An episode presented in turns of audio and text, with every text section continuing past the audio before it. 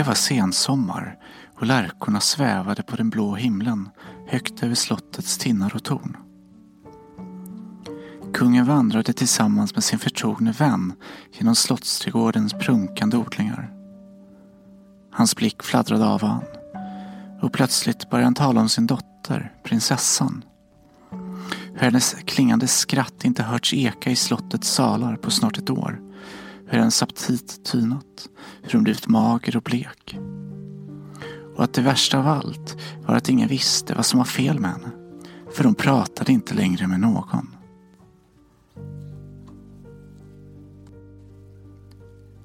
Den förtrogne vännen la sin arm kring kungens hals och sa att han hade en idé. Han kände nämligen till en kvinna ute på landet.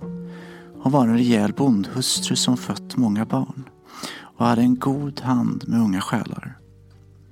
Skulle det inte vara en bra idé att låta henne komma till slottet för att tala med prinsessan? Se om hon kunde få henne att öppna sitt hjärta om vilka sorger som plågade henne. Kungen bekräftade mellan snyftningarna att det lät som ett gott förslag.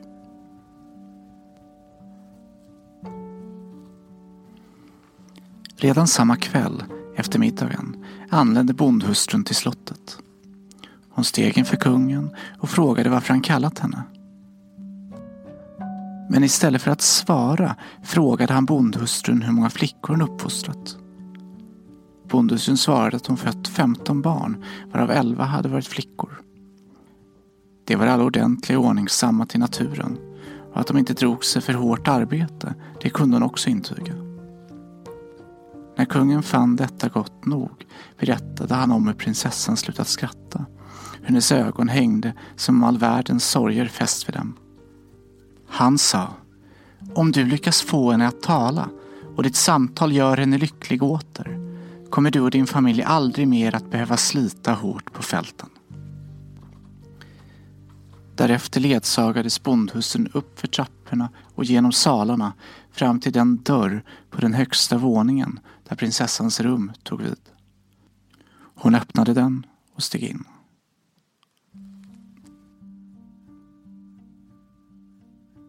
Bondhustrun såg sig omkring.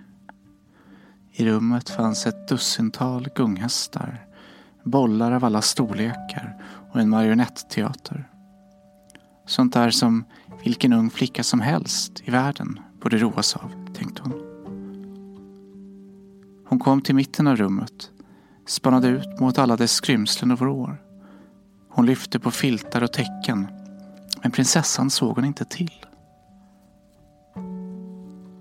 Det var först när hon uppgivet satt sig på en stol längs ena väggen som hon såg hur ett draperi buktade, liksom för vinden. Hon förstod att prinsessan nog måste finnas där bakom. Hon reste sig upp och när hon gått fram och dragit draperiet åt sidan såg hon att där fanns en öppning som ledde ut på en stor balkong.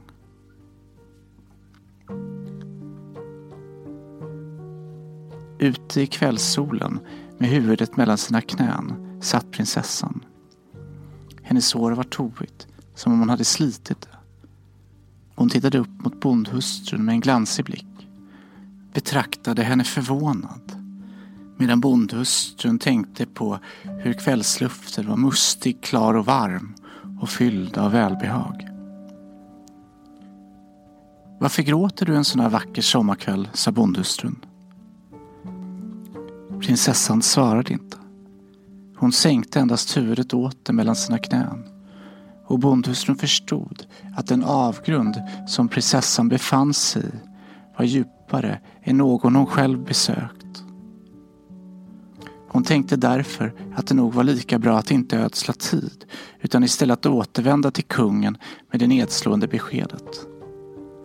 Men precis när hon skulle försvinna tillbaka bakom draperiet började prinsessan tala.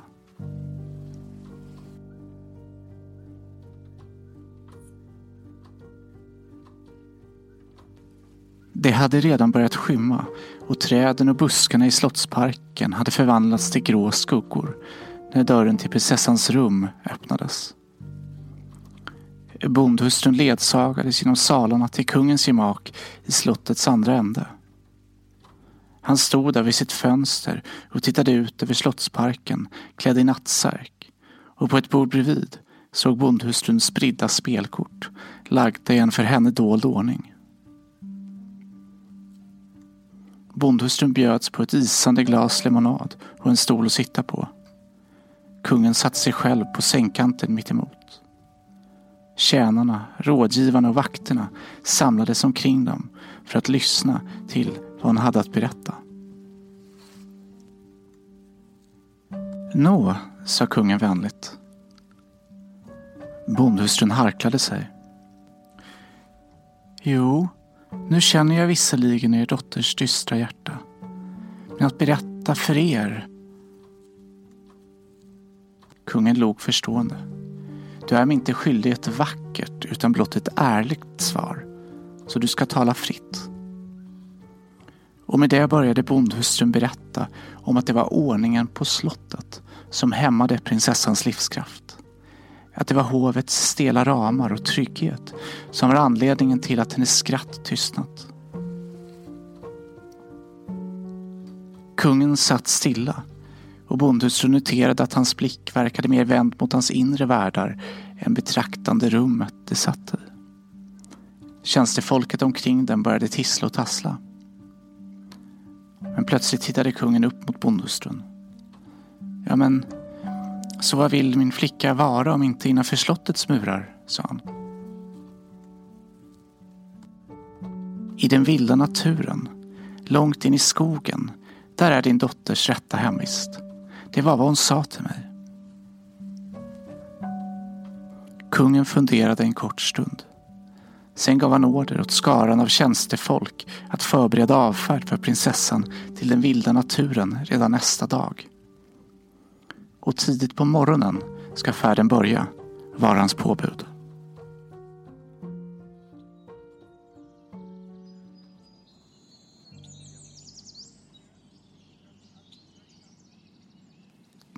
När solen letat sig upp över horisonten följande morgon kastat sina första strålar mot slottets vita befästningar stod vagnen med sin kusk redan klar nere på slottsgården.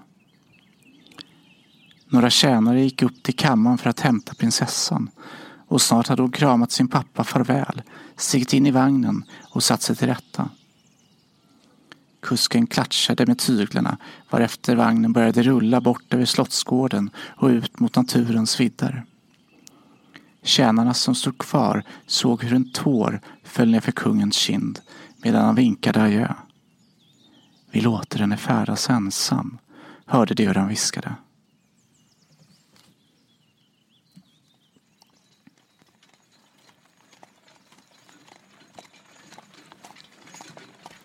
Vagnen rullade fort och var snart en bra bit bortom slottet. Den passerade stora fält med sina tegar likt det som bondhustrun dagligen stretade på. Och den rusade förbi som om den hade bråttom att hinna fram någonstans. Så prinsessan sa Håll dina tyglar kusk. Vi har ingen brådska och fälten här är ju bland det vackraste jag skådat. Kusken spände då tyglarna och lät istället vagnen sakta rulla fram genom fälten. Det var sensommar och prinsessan betraktade med förundran hur bondefolken där ute samlade ihop hö och skördade det som odlats tidigare på året. Till slut frågade hon kusken vad det var som de gjorde. Kusken stannade då vagnen helt. Min prinsessa, började han. De här människornas kamp är oerhört hård. De har knappt några nöjen och när dagen gryr och nattens drömmar försvinner är glädjen endast ett minne för dem. Det är hotet om döden som driver dem ut på fälten varje morgon. Så är deras liv, prinsessan min, sa kusken. När prinsessan hörde dessa ord blev hon genast nedstämd och började gråta. Kusken gav henne en vit näsduk och sa till henne att vila lite. Därefter klatschade han åter med sina tyglar och fortsatte färden. Och när kusken nästa gång vände sig om upptäckte han att prinsessan somnat.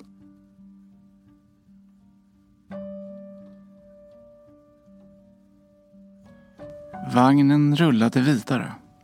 Den var snart bortom de olyckliga själarnas fält och istället för de vidsträckta öppna vidderna kom nu allt fler träd att kanta vägen. Snart omgavs den rusande vagnen av skogsdungar och snår. Och efter ännu en tids färd hade träden blivit så höga och tätt växande att vagnen färdades i ett djupt dunkel. Även vägen blev allt sämre och när ena hjulet träffade en sten så att vagnen krängde stannade kusken för att inspektera skadan. Han hade precis konstaterat att allt var i sin ordning när han upptäckte att prinsessan vaknat. Hon såg sig förskräckt omkring. Och sen frågade hon kusken hur hon kunde sovit så länge att mörkret hunnit falla. Kusken svarade då att mörkret inte berodde på att solen gått ned utan på att skogen här var så djup att det strålar inte nådde ner till den. Då grep prinsessan förskräckt tag i hans arm. Så det är alltid natt i de här områdena. Hur ska jag då någonsin kunna bli lycklig? sa han. Misströsta inte min prinsessa. Nog vet jag att just här evigt dunkel råder. Men skogen är stor och oändligt varierad. Jag vet en vacker plats där dunklet gett vika. Där fåglars muntra sång vi höra och där djuren lever ofyllt så att diskret vi dem kan störa. Med de orden lugnades prinsessan. Hon la åter huvudet mot vagnens sammetsdynor för att sova vidare. Och mot kvällen, innan solnedgången, skulle de vara framme, intygade kusken.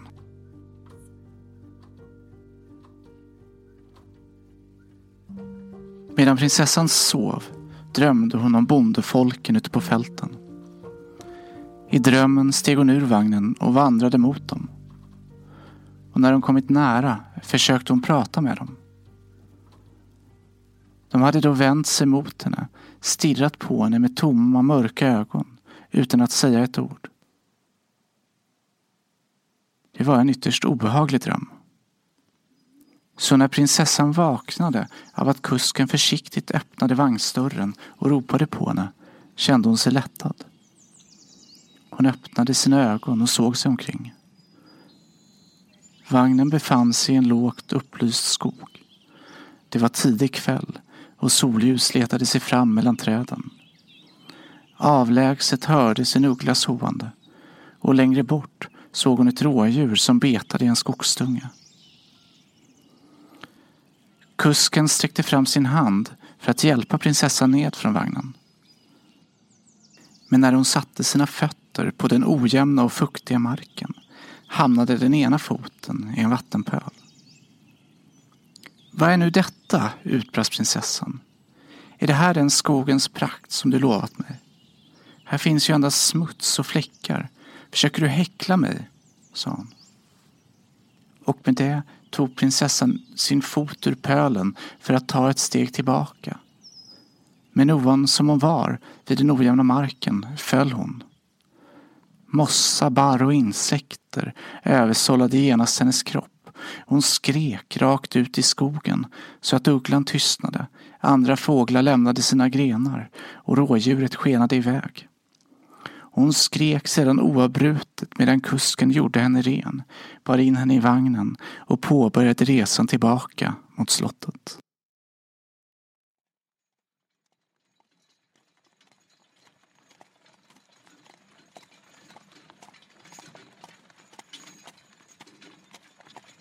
Natten var mörk och kall när vagnen rusade fram längs de öde skogsvägarna.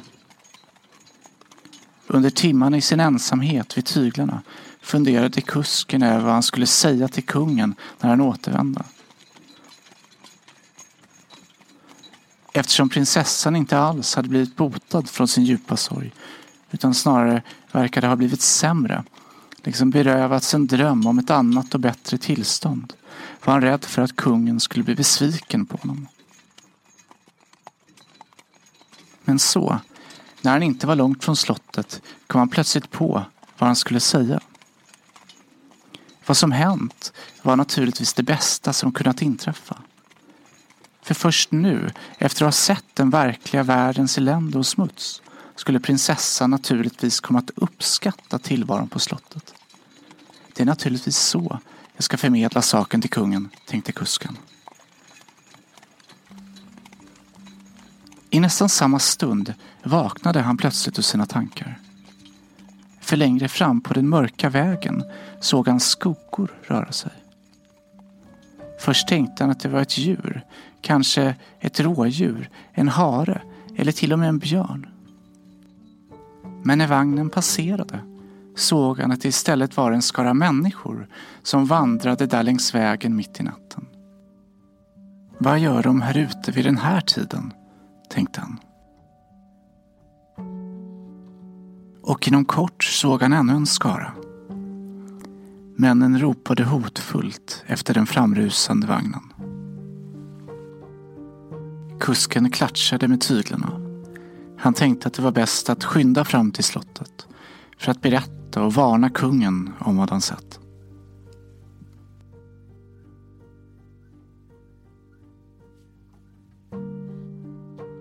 Men när vagnen en stund senare svängde in på slottsgården insåg han att det var för sent. Ljuset från två stora eldar slog emot honom. Och kring eldarna dansade berusade och skrattande människor. Slottets fönster i bakgrunden speglade inte månens ljus och alla stjärnor på himlen som det brukade om natten. De gapade istället som tomma hål in i byggnaden.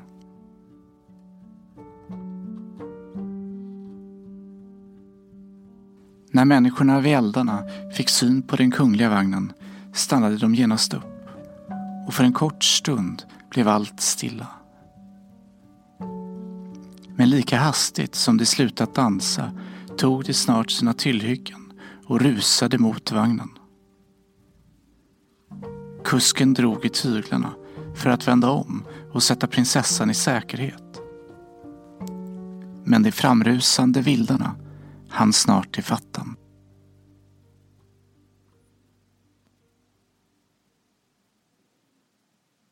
Det gnisslade när gångjärnen till den välta vagnen öppnades.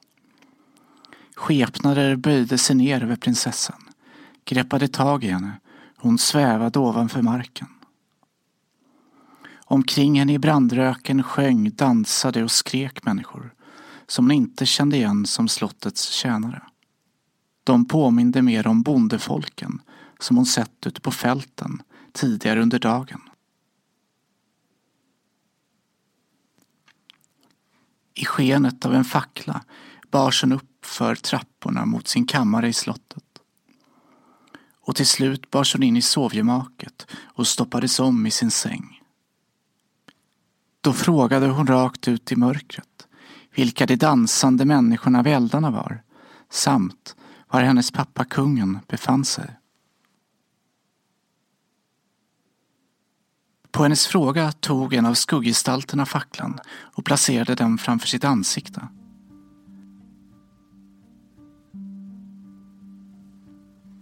Och prinsessan såg då att det var bondhustrun som hon pratat med för lite drygt en dag sedan.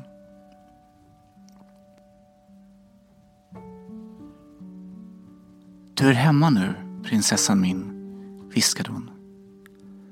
Imorgon börjar du arbeta ute på fälten. Och aldrig mer kommer du att känna dig nedstämd igen.